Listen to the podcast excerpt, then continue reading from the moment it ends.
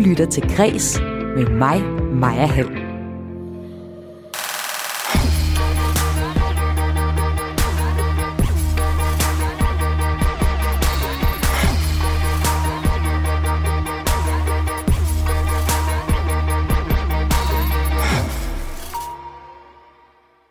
I dag kan den norske terrorist og massemorder Anders Breivik blive prøveløsladt.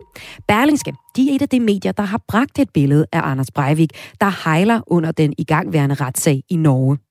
Vi bringer virkeligheden uredigeret, lyder det fra chefredaktør på Berlingske, Tom Jensen. Men den tilgang kan være ubetænksom, mener journalist Ulrik Hårup, der er chef ved Constructive Institute Journalism of Tomorrow, og opfordrer til flere etiske overvejelser i journalistikken generelt. De to, de er med mig først her i dit daglige kulturprogram Kreds her på Radio 4. Nyt år, nye udgivelser. I morgen lander Møs nye album, og ud over den udgivelse, så har januar i den grad været en måned for de store udgivelser. Der er blandt andet tæller albums fra The Minds of 99, Jilly og The Weeknd. Og årsagen til, at alle de her albums lander netop i januar, det skal blandt andet findes i den her sang.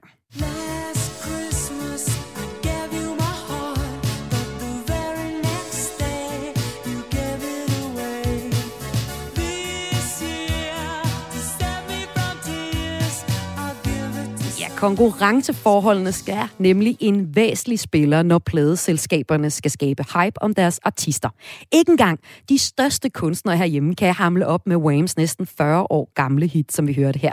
Det fortæller Universal Music senere i kreds og lukker os helt ind i pladeselskabets maskinrum. Sidst i udsendelsen i dag, der skal det handle om en hæftig debat om krænkelsesberethed og kunstnerisk ytringsfrihed. Og den har fyldt kultursektionerne i landets medier, siden en anonym studerende på den danske filmskole kort før jul skrev, at hverdagen på skolen var præget af undervisning med racistisk indhold. Den snak tager vi sidst i udsendelsen. Jeg hedder Maja Hall. Velkommen til Kris.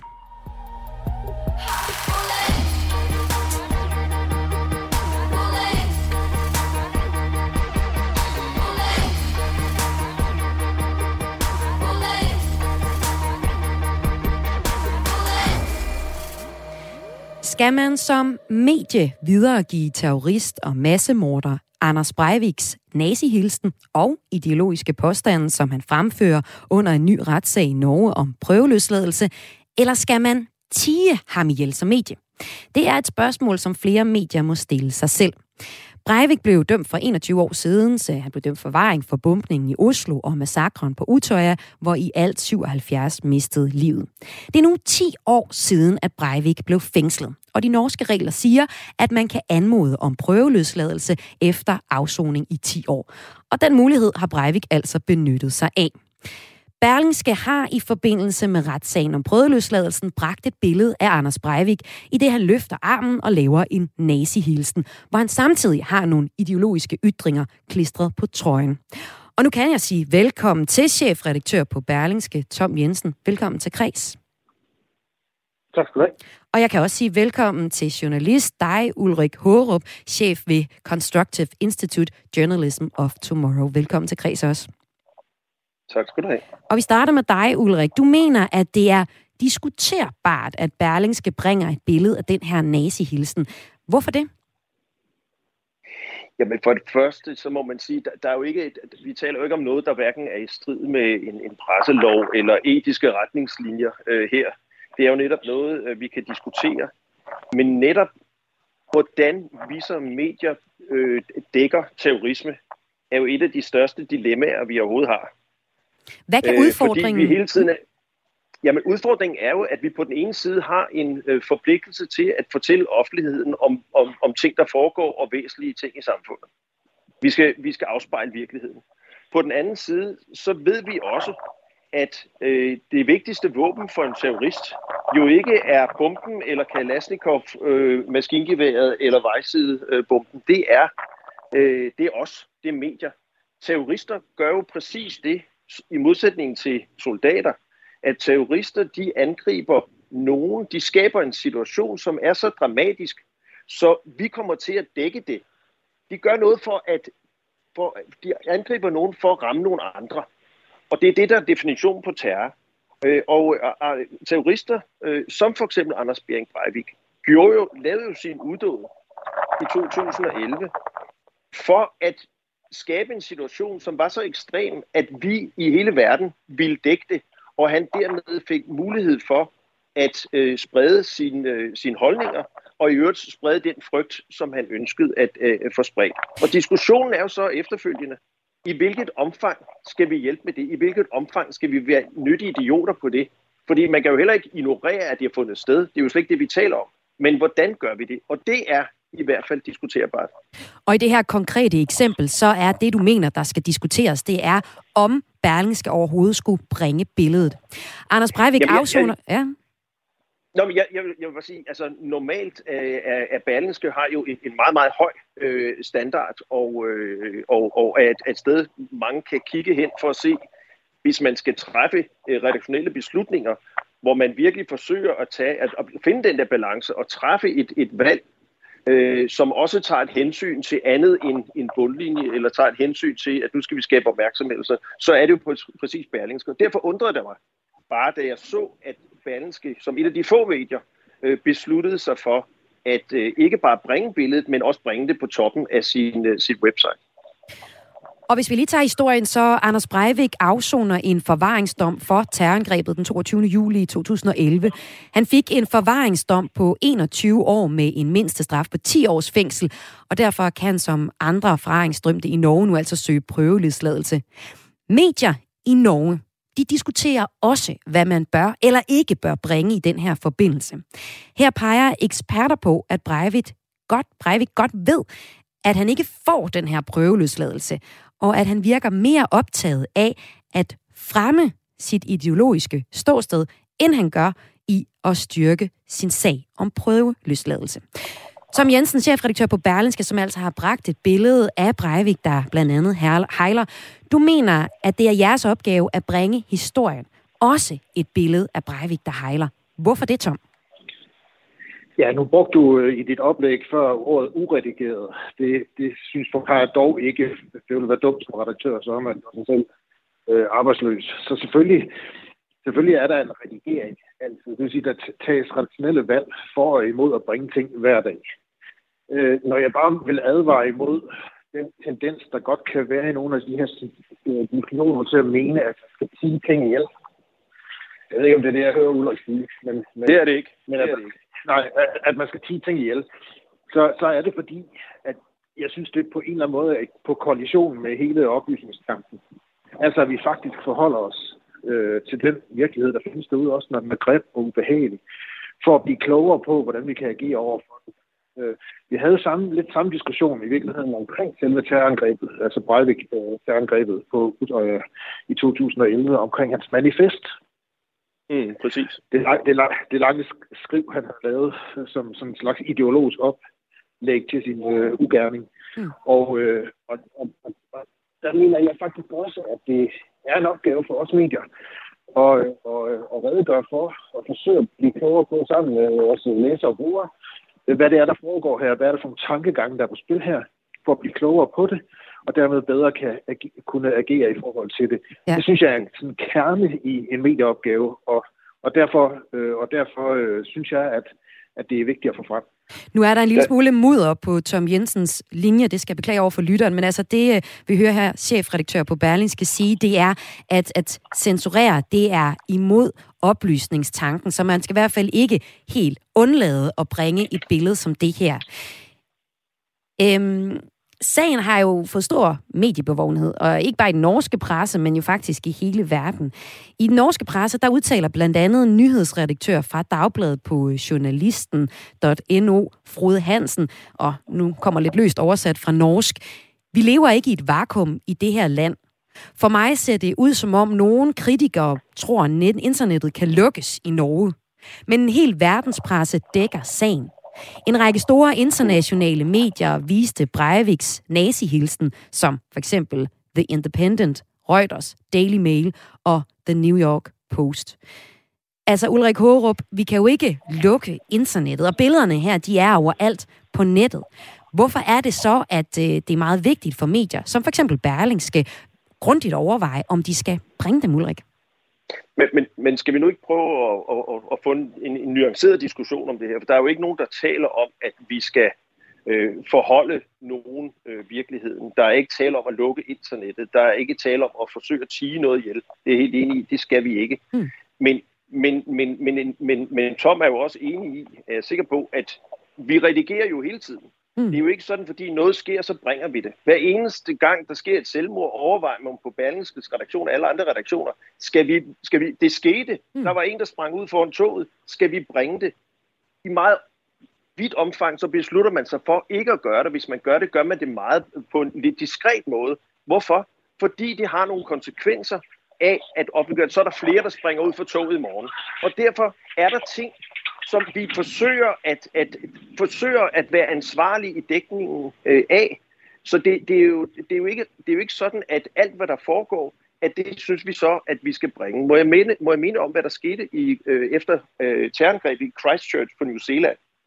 Der skete der det helt unikke, at medier og myndigheder sammen havde denne, altså fik denne her diskussion med hinanden. Vil vi hjælpe denne her mand, denne her terrorist, som har begået sin udåd, for at øh, få sit navn i avisen og blive kendt og få sit, øh, få sit budskab ud?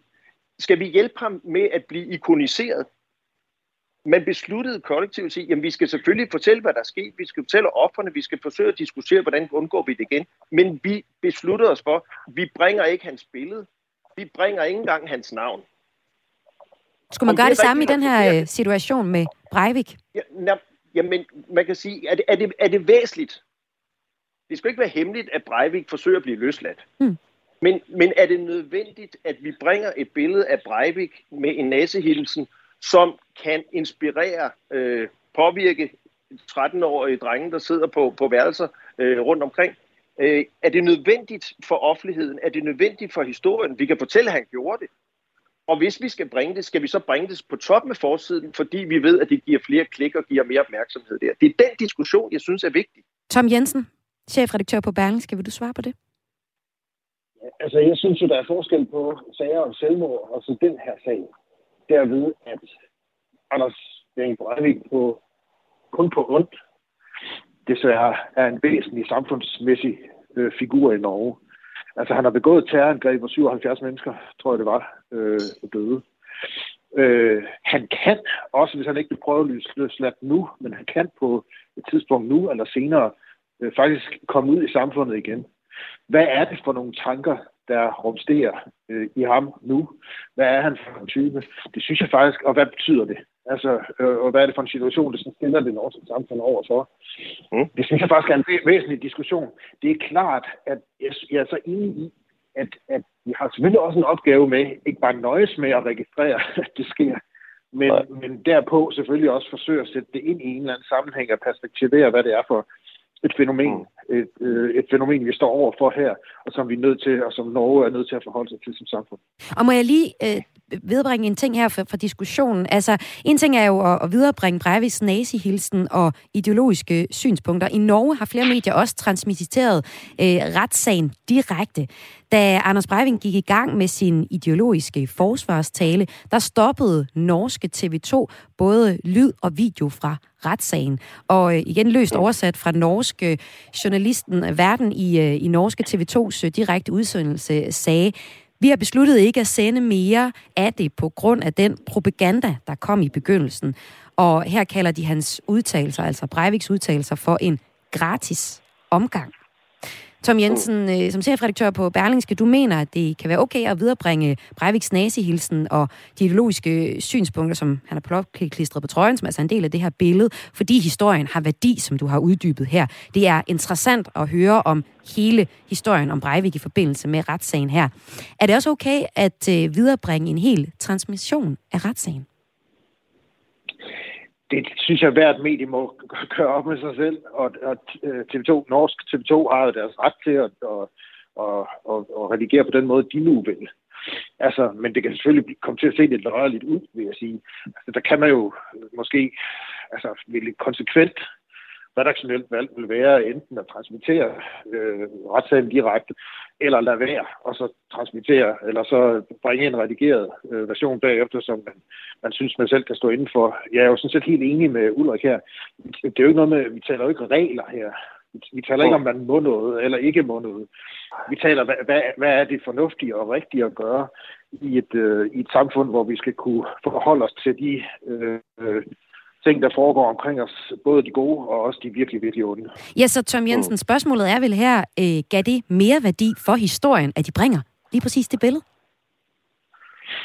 Øh, ja, det, det synes jeg egentlig, fordi det giver et billede af, øh, hvem Breivik er nu, hvad hans forståelse er, øh, hvad det er for øh, nogle øh, ideologier og tanker, der rumsterer i hans hoved stadig her 11, snart 11 år efter terrorangrebet, på et tidspunkt, hvor der altså er en mulighed for, at han på et tidspunkt bliver, bliver lukket ud i det, i det norske samfund igen. Så det, det, det synes jeg faktisk. Øh, øh, at det, at det har en, en værdi, altså en værdi i, i, i, i den forstand, at det, at det er oplysning, som samfundet kan øh, bruge til noget og, og er nødt til at forholde sig til. Ulrik Hårup, som chef ved Constructive Institute Journalism of Tomorrow, der øh, mener du, at i forhold til at bringe en transmission af en hel retssag i den her øh, situation med Anders Breivik, så peger du på, at der er forskel på folks behov for at vide noget, eller folks ret til at vide noget. Hvad mener du med det i den her situation?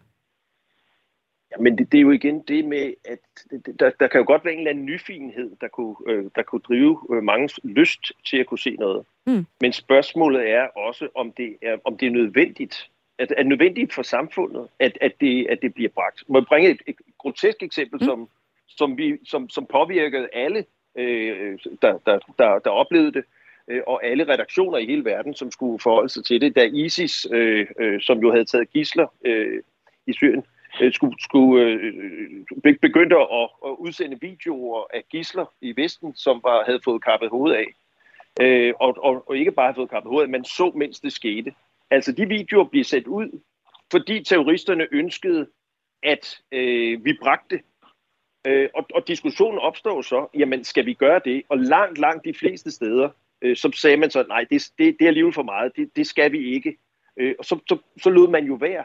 Selvom der også var nogen, der argumenterede for, jamen det skete jo, vi skal jo vise virkeligheden også, når den er grufuld og alt det der. Men det er jo det, der er dilemmaet i det her. Øh, og, og, og jeg kan huske en dokumentar, som blev lavet, øh, at det er som fulgte nogle af de redaktionelle processer for, på forskellige danske øh, medier, herunder Berlinske. Øh, og det var sådan, at kameraet var på plads øh, øh, på Berlinskes redaktion, dengang terrorist, terrorangrebet i Christchurch øh, fungerede. Og der var den der nuancerede diskussion mellem chefer på Berlinske, jeg husker tydeligt, hvor, hvor, hvor, det, hvor, hvor, hvor det endte med, at man sagde, nej, vi skal ikke nødvendigvis bringe billedet af ham her.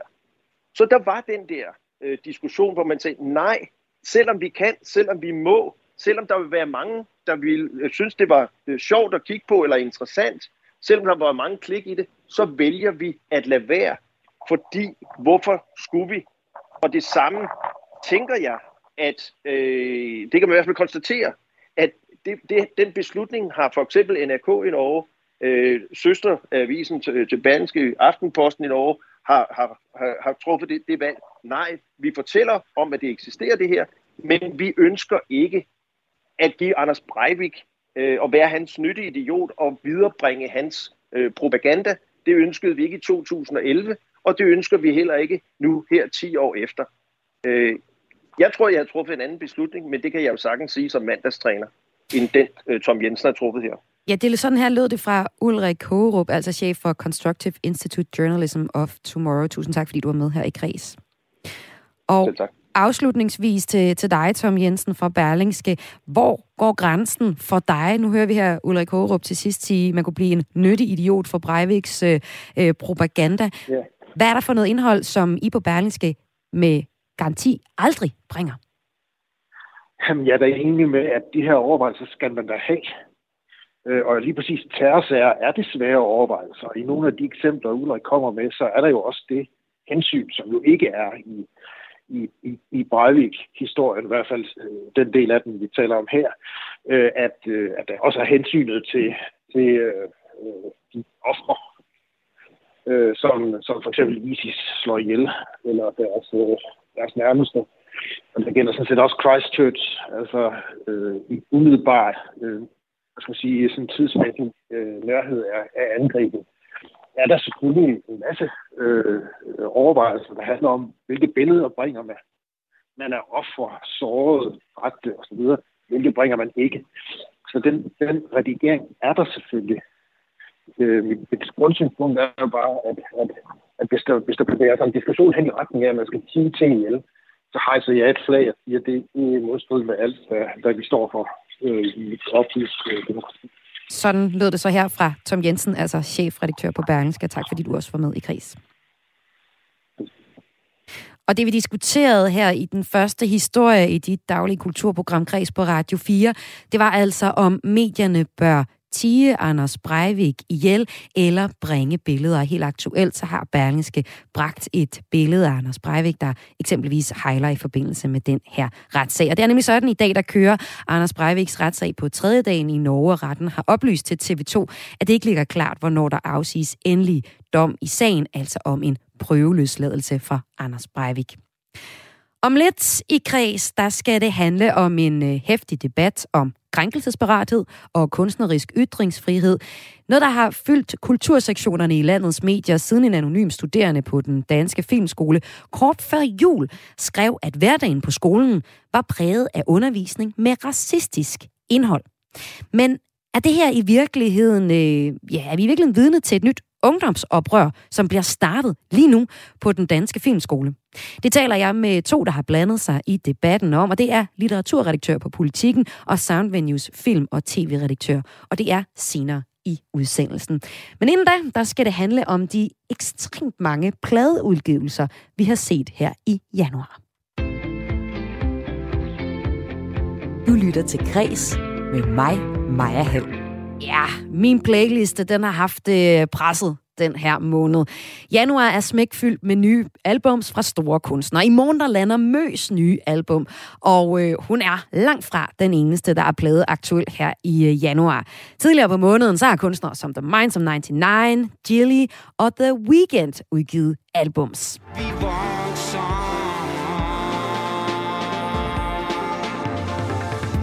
Kender ikke morgen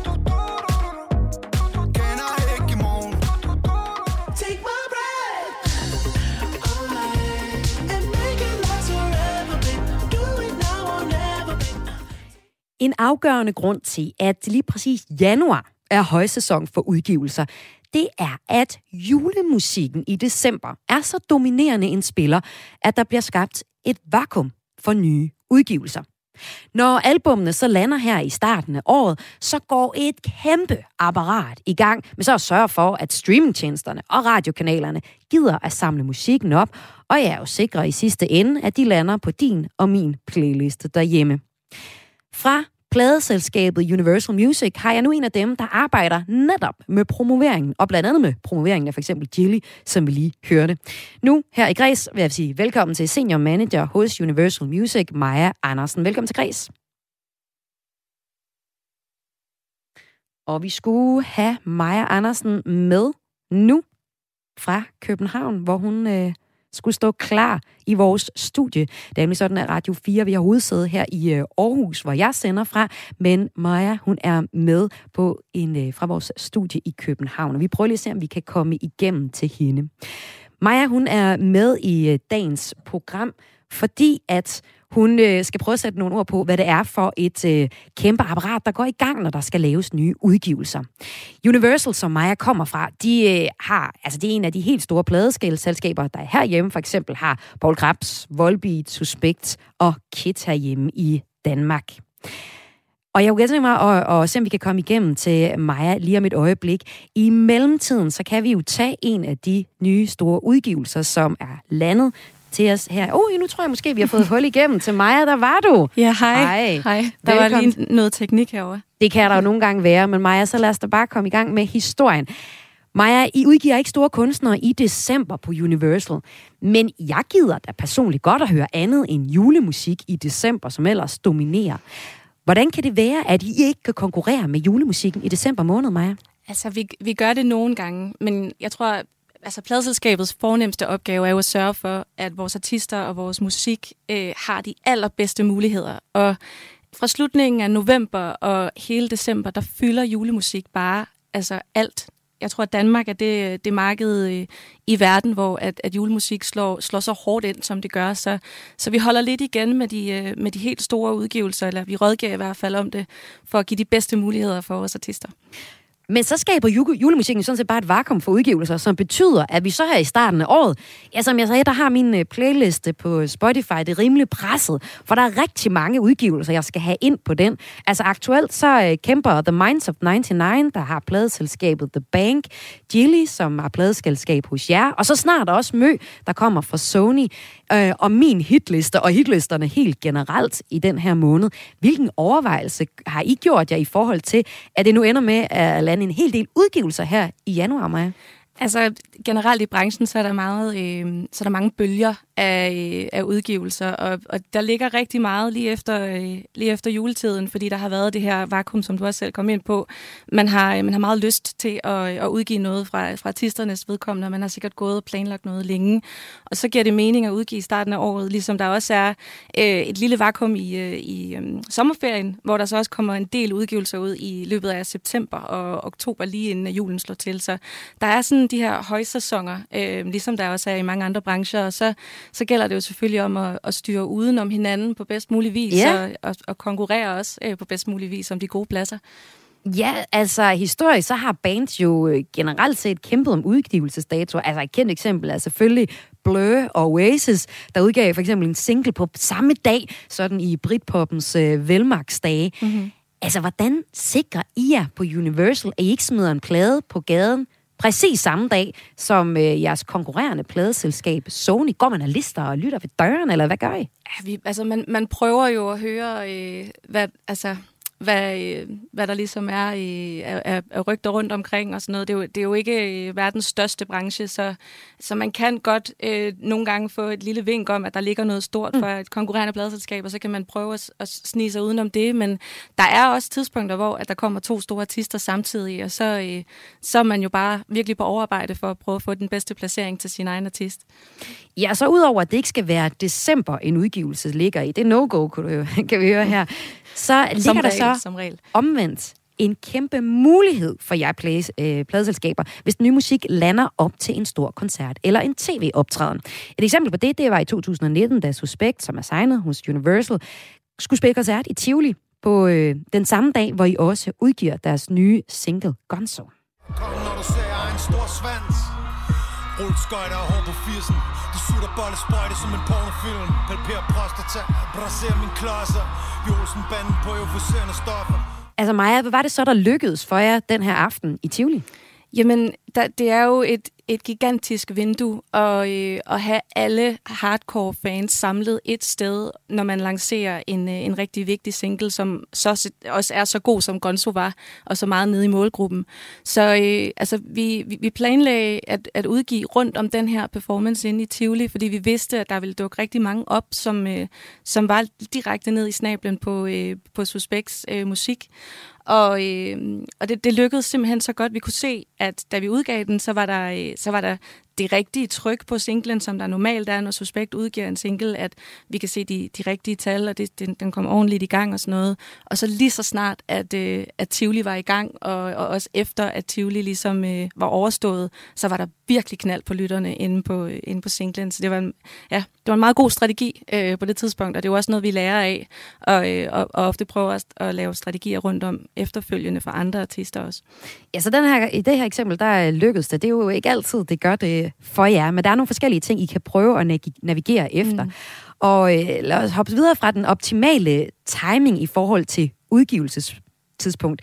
Fordi øh, derudover, så kan man sige, der øh, følger måske to væsentlige trin for jer som pladeselskab, som skal sikre jer, at jeres artister rent faktisk får succes. Man kan sige, det næste trin, som øh, jeg har lyst til at kalde trin 2, det er så at finde fortællingen om den udgivelse, I står med. Og et eksempel på det kan være det seneste udgivelse, vi har set fra jer med Gilly, det nye album, der landede sidste fredag, der hedder Carnival. Jeg det vi på farten, altså gennem page Stadig tidlig op og sent i seng. Tror du vi går op i småbørns småbørnshate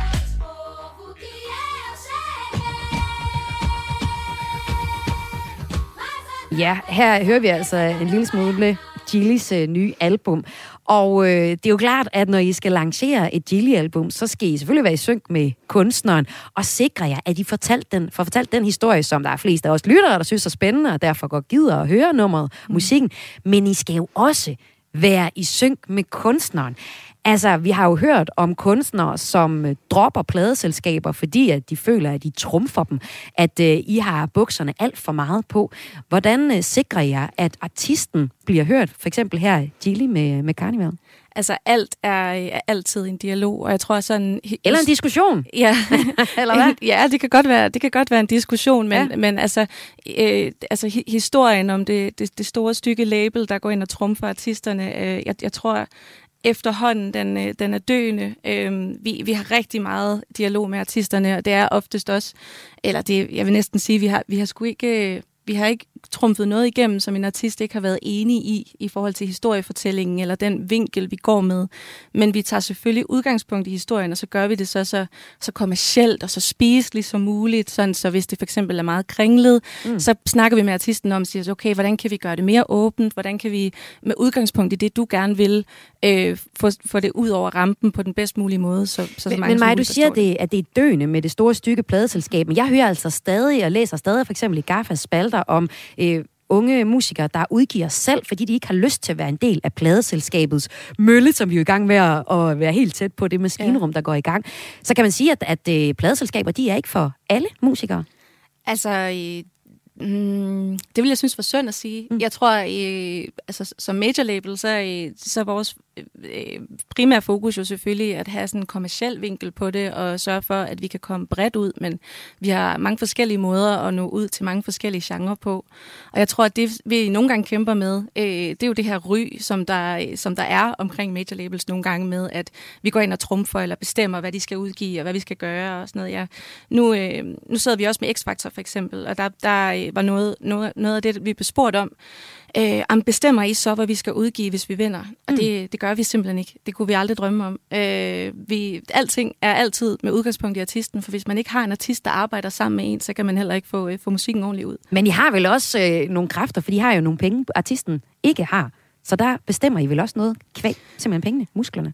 Jeg vil sige, at vi, vi rådgiver rigtig meget, og, øh, og, og hvis det er, at man ikke kan finde ud af at, øh, at samarbejde i forhold til det, som vi synes giver bedst mening kommercielt, så skal man jo også finde ud af, om det er det rigtige. Så mm. på den måde, hvis, hvis artisten ikke har lyst til at markedsføre sine ting, eller artisten ikke har lyst til at, at være åben og deltage i nogle forskellige ting og sådan noget, så, så er man jo også nødt til at finde ud af, om samarbejdet giver mening. Ja. Men som udgangspunkt vil jeg sige, at, at, at vi kan samarbejde med alle.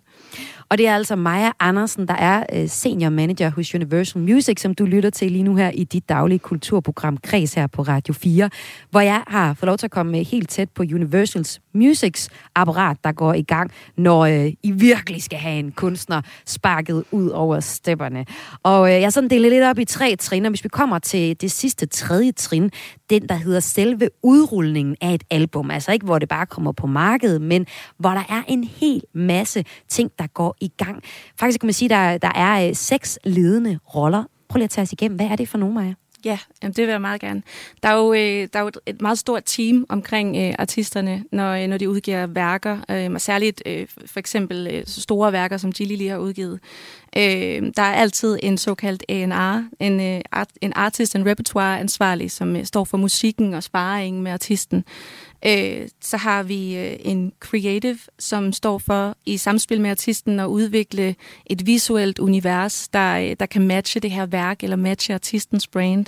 Det går igen i musikvideoer, i pressebilleder og i social media. Så har vi en projektleder, øh, som går i gang med at lede efter de, de allerbedste øh, PR øh, momenter til artisten. Det kan fx være, at, øh, at, at Jung udgiver et nyt album, og, øh, og så skal projektlederen for Jung finde ud af, hvad er det for et tv-moment, der kunne passe rigtig godt på den fokusvinkel, vi har til, den her, til det her album. Jung passer måske rigtig godt i, øh, i Godmorgen Danmark, eller i, i en anden tv-setting, som, øh, som kunne få den her løbet rigtig godt af stablen. Det er projektlederen, der står for PR-delen, og selvfølgelig for at binde alting sammen. Så øh, har vi en marketing manager, der øh, står for at rådgive om, øh, om det her content, som den kreative laver. Øh, hvor skal det ud hen? Skal det på TikTok? Skal det på Instagram? Skal det være på plakater fysisk ude i byen? Eller hvor, hvor ligger målgruppen i forhold til, hvor det her content skal ud hen? Så har vi en radiomanager, der skal sørge for at få, øh, få musikken mest godt ind i radioerne, øh, sådan så at, øh, at, at der er så mange som muligt, der lytter til det. Og øh, sidst men ikke mindst, så har vi så streaming-manageren, der, øh, der skal lidt det samme som en radiomanager, bare, øh, bare i streamingverdenen, hvor at Spotify og UC Musik for eksempel har de her playlister, som vores musik meget gerne skulle komme ind på, så det bliver opdaget. Ja, og det er jo den store kamp. Hvad er vigtigst? Streaming eller radio? Og du vil sige, at det er altså stadig radiomediet, der også spiller en vigtig rolle for jer. Men det er også rigtig vigtigt at komme ind på de her playlister, hvor mm. også øh, lyttere, der streamer, vi bliver tilfældigt præsenteret for nogle af, jeres øh, kunstnere. Men så er der jo også radio. Altså branchen har de sidste år talt om, at de sidste par år talt om, radio er rigtig længere afgørende for, om ny musik bliver populært. Du mener, at radio stadig har en betydning, men øh, I er også bevidst om, at succes også kan starte på andre måder. For eksempel så er Kids store hit Buongiorno et eksempel på det. De blikker holdt mig hen, derfor er jeg blevet så længe. Du mangler mænd på lommen, vi to mangler ingenting. Buongiorno, ordno.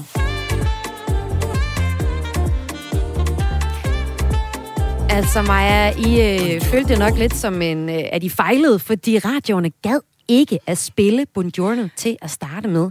Hvad gjorde det så, at det alligevel er blevet en succes, som øh, at nu har...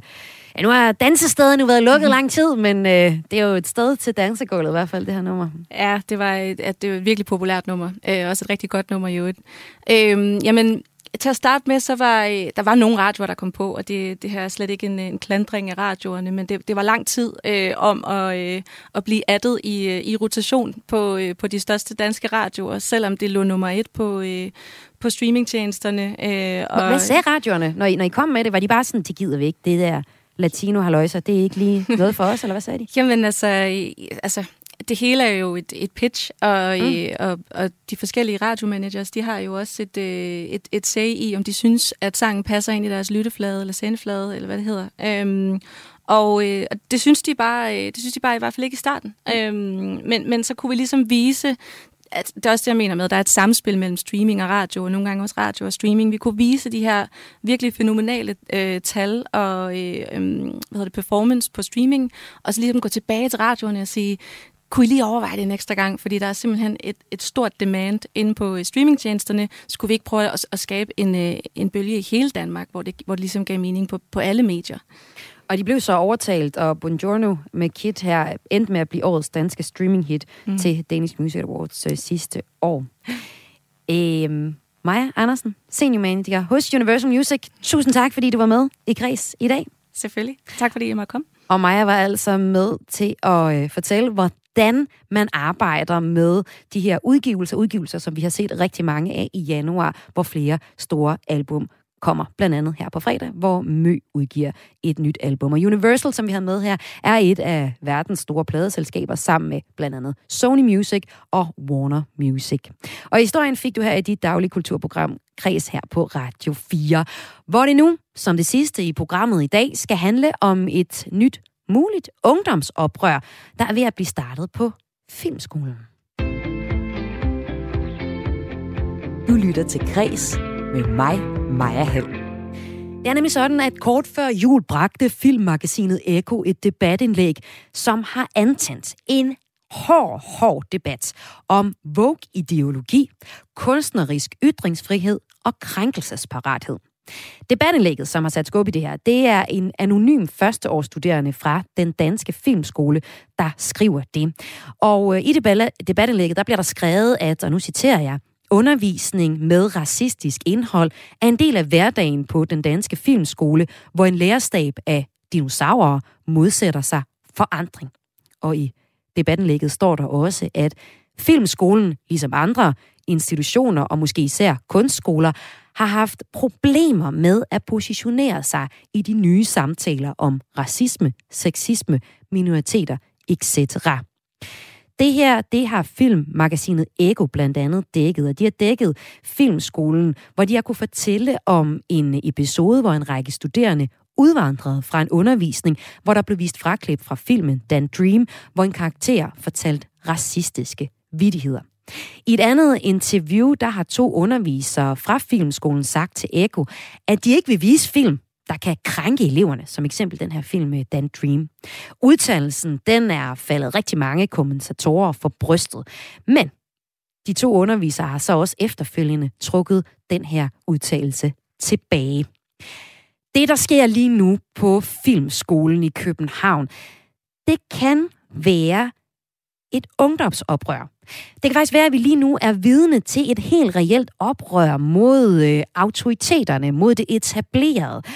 Et oprør, ja, et klassisk ungdomsoprør, som er helt i tråd med tidligere tiders anti-autoritære kamper. Det mener du, Jakob Ludvigsen. Du er tv- og filmredaktør på netmediet Soundvenue. Velkommen til Græs. Ja, tak. Og også velkommen til en anden, der har kommenteret på sagen om, hvad der sker på øh, Filmskolen. Velkommen til Jes Stein Pedersen, litteraturredaktør på Politiken. Ja, tak. Lad os starte med dig, øh, Jakob. Hvad er det for et uh, ungdomsoprør, du mener, at vi kan være vidne til på Filmskolen lige nu?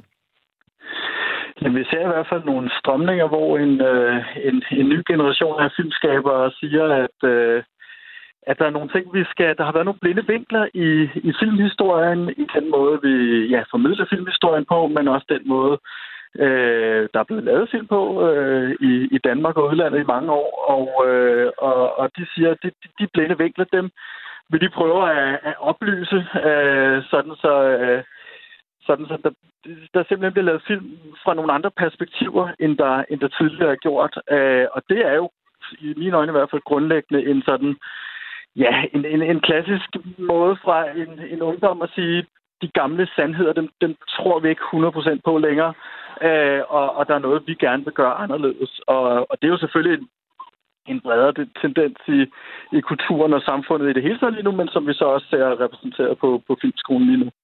Jesper Pedersen, lad mig høre dig. Er du enig i, at Jakob Ludvigsen øh, ser, at der er et ungdomsoprør på filmskolen lige nu?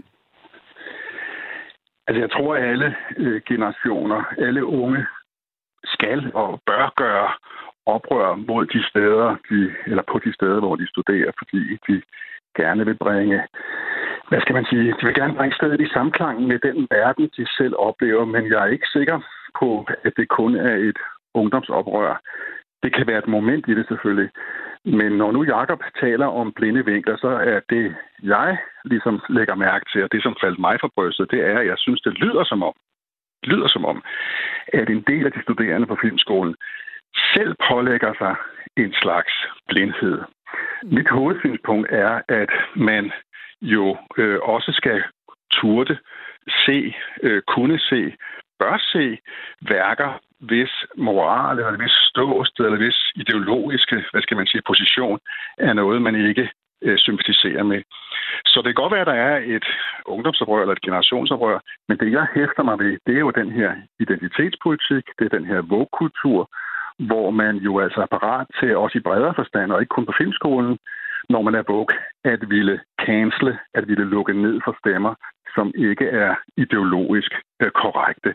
Det bekymrer mig. Jeg synes, det vil være hammerende ærgerligt, hvis filmstuderende ikke turde kaste sig ud i nogle af de der, jeg vil ikke kalde det forbudte verdener, men nogle af de der grænsesøgende verdener, hvor man ikke ved, hvad der er moralsk rigtigt og forkert. Hvad er det egentlig, der sker i Lars von Triers Antichrist? Hvad er det egentlig for et kvindebillede, han fremmaner? Skal vi kun vurdere Antichrist ud fra ideologi og positioner i kønsdebatten, eller kan man se på det som et kunstnerisk værk, der går mange steder hen? Det er sådan nogle tanker, jeg er optaget af. Og det, du taler om her, ja, det er jo cancel culture. Det er et ord, der går igen i debatten, altså en form for boykot af personer eller emner, der anses for at være kontroversielle. Og nu nævner du Antichrist. Helt konkret, så har vi et eksempel fra filmskolen, hvor en række studerende er udvandret fra en undervisning, hvor der er blevet vist fraklip fra filmen Dan Dream, hvor en karakter fortalte racistiske vidigheder. Så det her det er jo ikke en uh, vurderingssag af, hvordan kvinder bliver portrætteret, men det er jo sådan helt grundlæggende racisme, som uh, eleverne har blevet bedt om at, at se på. Hvad, hvad tænker du i det her konkrete tilfælde? Er det problematisk, at man har gjort oprør mod den visning? Altså, nu skriver jeg jo en kommentar, der handlede om lærerne, der ikke ville stå på mål for, hvad skal man sige, deres ret til at undervise frit, og de vil ikke vise ting, der er krænket.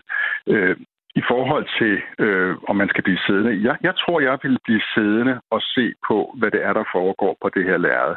Jeg vil ikke gå fra noget, som, øh, hvad skal man sige, var politisk forkert. Det mm. tror jeg ikke, jeg vil gøre. Jeg tror, jeg som studerende ville sige, hold da op, det må jeg fandme nok sige de er da øh, langt ude dem her. Et eller andet. Jeg har jo set masser af film i mit liv, jeg har læst masser af bøger, hvor budskabet har været, hvad skal man sige, øh, helt ude i hampen, men jeg har ville konfrontere mig med det alligevel, for at vide, hvor jeg har folk. Sådan set, altså sådan set også mine modstandere. Mm. Øh, så så, så jeg, jeg går mere ind for, at man tager det ubehagelige til sig, i stedet for at man går fra det.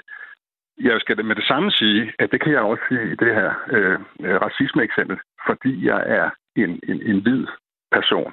Hvis jeg sad i et lokale og var brun eller sort og følte mig i den grad forulæmpet, fordi jeg har en anden oplevelse af det her, end, end Jes her ville have som ved, så kunne jeg sagtens være øh, finde på at gå. Men jeg tænker, at den almindelige gennemsnitsstuderende på filmskolen, som sikkert er hvid ligesom jeg, der tror jeg nok, jeg, jeg siger til mig selv, bliv dog siddende og lad dig konfrontere med det her ubehagelige. Det gør dig klogere, det gør dig dygtigere i forhold til at måske selv at vil gå et andet så, sted Så jeg skal lige forstå, Jesper Pedersen, at du kan, kan se øh, oprøret som en mulighed afhængig af øh, farven på de studerende, der ser for eksempel filmen her? Nej, nej, jeg siger bare, at, at vi ved jo alle sammen, at kontekst er vigtig. Jeg tror, det er vigtigt. Øh, jeg ved ikke, hvem det er, der er udvandret, og hvem der har set filmen. Jeg siger bare, og det er bare en lille bitte krølle på halen, du må ikke gøre det større, end det er. Mm. Jeg siger bare, at normalt, for mit eget vedkommende, vil jeg blive siddende og se på hvad som helst, som var også politisk forkert eller på anden måde ubehageligt. Jeg har mm. også set film, hvor Klan fører den af. Jeg har set en nationsfødsel af Griffith. Jeg har læst filmvidenskab selv, og jeg har set alt ubehageligt. Jeg har set Leni Riefenstahls film. Hun arbejdede for Hitler. Og jeg har lært noget om film og æstetik af at se de film. Jeg vil aldrig udvandre. Det er bare det, der er mit synspunkt. Ja. Så tilføjer jeg for at være nuanceret, at det kan godt være, at man oplever det anderledes, hvis man ser anderledes ud end jeg. Ja, og nu vil jeg jo ønske at have haft en fra filmskolen med i kreds, men øh, det har ikke været muligt, og det er jo også, øh, den her snak, den er sat i gang efter et anonymt læserbrev er blevet bragt i øh, filmmagasinet Eko. Jakob Ludvigsen, øh, som en, der er rigtig godt inde i filmverdenen og arbejder på Soundvenue netop med film og tv, mener du, at det er problematisk, hvis de studerende på filmskolen, en af landets mest hedderkronede kunstuddannelser, er det jo, ikke vil se produktioner, der øh, ikke flugter med deres politiske ståsted? Altså, kan du forstå, hvad hvad Jesper Pedersen siger her? Jamen, det, det, det kan jeg godt se øh, vil være problematisk, og, og jeg håber sådan set også, at, øh, at de, de filmstuderende vil se værker af alle typer af grænseoverskridende og politisk ukorrekte og det hele. Men jeg, jeg, jeg er nødt til lige at fastholde, at mm. der har jo ikke været en debat om, hvorvidt Lars von Trier skal canceles. Øh, Lars von Trier er til stadighed også blandt de unge respekteret som mm. en netop grænseoverskridende øh, provokerende instruktør, hvis værker stadig ses og diskuteres. Og så kan det godt være, at der er nogen, der, der synes, der er ubehagelige og, og, og, og strømninger i de film, som man ikke ligesom kan se sig selv i, men det er jo selve essensen i også at lave grænsesøgende filmkunst, er, at vi skal kunne diskutere og være uenige med dem. Men, men det er jo ikke det, vi snakker om her. Øh, I det konkrete tilfælde er der jo nogen, der er udvandret fra Dandream, fordi at det har været en lektion, som har handlet om klipning. Altså, de er ikke gået ind til denne lektion for at diskutere øh, øh, de dybere moralske lag i øh, kunsten, eller hvad kan vi gøre grin med. Øh, de er gået ind til en, en klippelektion, øh, hvor der så er vist nogle, nogle fraklip, hvor at, at der bliver sagt racistiske øh, øh, jokes, og, og det er der så nogle af dem, der synes har været lidt, øh, lidt ubehageligt. Og det, det, det synes jeg ikke er det samme som, at de ligesom vender blikket væk fra, fra de, de mørke sider, de, øh, de amoralske sider af menneskesindet eller, eller filmkunsten. Og det er jo også det, også det jeg har prøvet at skrive lidt om på, på Soundvenue, øh, at det her med, at jeg oplever jo i høj grad, at det, de siger fra overfra, øh, siger fra øh, overfor øh, i, i den unge generation her, det er jo den ubevidste øh, provokation. Altså, jeg oplever egentlig, at de, de reelt bevidst provokerende filmskabere øh, Øh, fra øh, Koreas Kim Ki-duk til vores egen Lars von Trier, dem ser man og lader sig provokere af og anfægte af. Men man har det faktisk meget sværere ved alle de ting, der sker inden for mainstream, hvor at man ligesom kører på nogle klichéer, nogle stereotyper om minoriteter eller om kvinder, eller, øh, som man bare ikke har tænkt over, men så hvor man ligesom bare reproducerer nogle gamle øh, fordomme. Øh, det kunne være, at øh, at, at alle indvandrere i dansk film øh, øh, var, var pizzabager eller, eller taxichauffører. Og, og det er i høj grad det, som oprøret vender sig mod at sige, at vi er nødt til at blive meget mere bevidste om de her ting. Hvad er det, vi øh, mellem linjerne udsiger, når øh, rigtig mange film har mandlige hovedroller, eller øh, vi dårligt ser øh, brune danskere på, i dansk film, øh, som man måske i hvert fald gjorde så meget tidligere. Øh, og, og det, det er der, jeg egentlig ser oprøret står mest. Oprøret står ikke så meget mod den provokerende og grænsesøgende filmkunst. Mm, mm. I kølvandet på det anonyme læserbrev i filmmagasinet Eko, der har landets aviser fra Jyllandsposten over Berlingske, Politikken og Information bragt indigneret kommentar og også ledere fra aviserne om sagen her på Filmskolen. Samtidig så har en række kulturpersonligheder, vi kunne kalde dem kultureliten, som for eksempel skuespiller Ulrik Thomsen, filmproducent Peter, øh, Peter Aalbæk Jensen og direktør for forlaget Gyldendal Morten Hessendal, kommenteret på sagen og advaret, og det har været pointen, de har advaret mod at bøje sig fra for de studerendes politiske og moralske følsomheder. Og det er jo egentlig også det, jeg hører dig sige, Jestein Pedersen. Så jeg kunne også godt tænke mig at, at vende den mod dig og høre, er jeg medier gode nok til rent faktisk at få de studerende i tale, så vi får en forståelse for, hvad der egentlig er på spil, og ikke skal høre det fra anden hånd med Jakob Lydvisen, som ganske vist er tæt på, hvad der sker i, på blandt andet filmskolen. Er medierne tæt nok på historien, Jesper Pedersen? Eller hører vi bare jamen, fra eliten?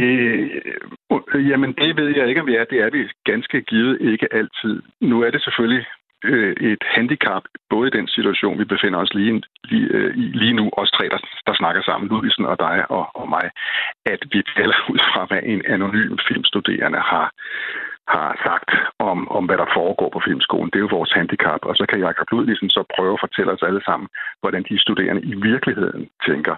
Øh, det er vores handicap. Øh, jeg, jeg bider mærke i, at der har været en, en generel kritik af det, som foregår på filmskolen, og jeg synes ikke, lærerne øh, står på mål øh, for retten til, at alle film øh, kan vises. Det har skolens rektor så efterfølgende slået fast.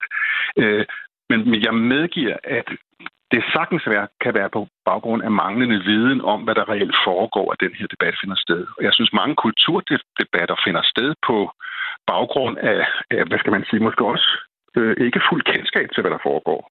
Hvorfor altså, jeg, det? Jeg er, meget, jeg, jeg er meget enig i det, øh, Jacob Ludvigsen generelt siger mm. om, at vi har en ungdom, der selvfølgelig må gøre oprør mod stereotyper, som må kigge på verden på den måde, som øh, det hele har udviklet sig og øh, ville forlange ændringer på alle mulige områder. Øh, men det er sådan set bare i min kommentar et, et hovedsynspunkt, at I skal turde rumme også det, som I tager afstand fra. I skal ligesom turde øh, lade jer konfrontere med det. Hvis kulturen er sådan på filmskolen, så er det bare dejligt. Jeg er sikker på, at når Morten Hesseldal og alle mulige andre øh, kulturfolk udtaler sig, så er det fordi, man ser det her i et bredere perspektiv. Fordi vi i flere år har diskuteret identitetspolitik, og der har været mange sager rundt omkring, ikke kun på filmskolen, særligt på sådan nogle humanistiske institutter på Københavns Universitet, hvor man kan mærke, at der er en woke-vækkelse, øh, som er meget følsom over for, hvordan vi taler om tingene, og hvilke ord man må bruge. Der er sådan lidt sprogpoliti over det, og, og det er også i det lys, at øh, sådan nogen, som du nævner, og også mig selv inklusive, at vi nok ligesom råber vagt i gevær i forhold til kunstnerisk frihed. Og det er jo der, jeg, jeg ligesom spørger ind til, om I har mere magt end dem i skyder i skoene for at være øh, meget følsomme i den her debat. Jeg håber, vi får øh, nogen fra Filmskolen øh, snart i tale her på Radio 4. De er i velkommen til at kontakte os. Send mail ind til kreds radio4.dk, hvis man har lyst til at udtale sig i sagen her som et ung, vogue menneske, kunne vi sige. Vi når ikke mere i debatten i kreds i dag, så jeg vil sige tusind tak, fordi I var med. Tak til tv- og filmredaktør på netmediet Soundvenue, Jakob Ludvigsen. Ja, selv tak. Og også tak til Jestein Pedersen, litteraturredaktør ja, på Politiken. tak. Og de var altså med til at gøre os klogere på debatten om filmskolen, som har bølget frem og tilbage. Blandt andet siden filmmagasinet Eko bragte et anonymt debatindlæg kort før jul om situationen på skolen. Som vi også lige var inde på, så øh, i et interview med politikken, der afviser rektor på filmskolen øh, Tine Fischer, at elevernes protester kan få betydning for, hvilke film, der må vises i undervisningen. Alle film kan vises i undervisningen. Det var alt, hvad vi nåede i Kreds i dag. Det er de daglige kulturprogram på Radio 4. Programmet i dag var tilrettelagt af Søren Berggren Toft, Lene Grønborg Poulsen og Emil Mortensen. Og mit navn, ja, yeah, Maja Hall. Jeg er vært igen i morgen på Kreds, og det er jeg på en fredagsudgave, hvor vi vender ugen, der gik med et aktuelt panel.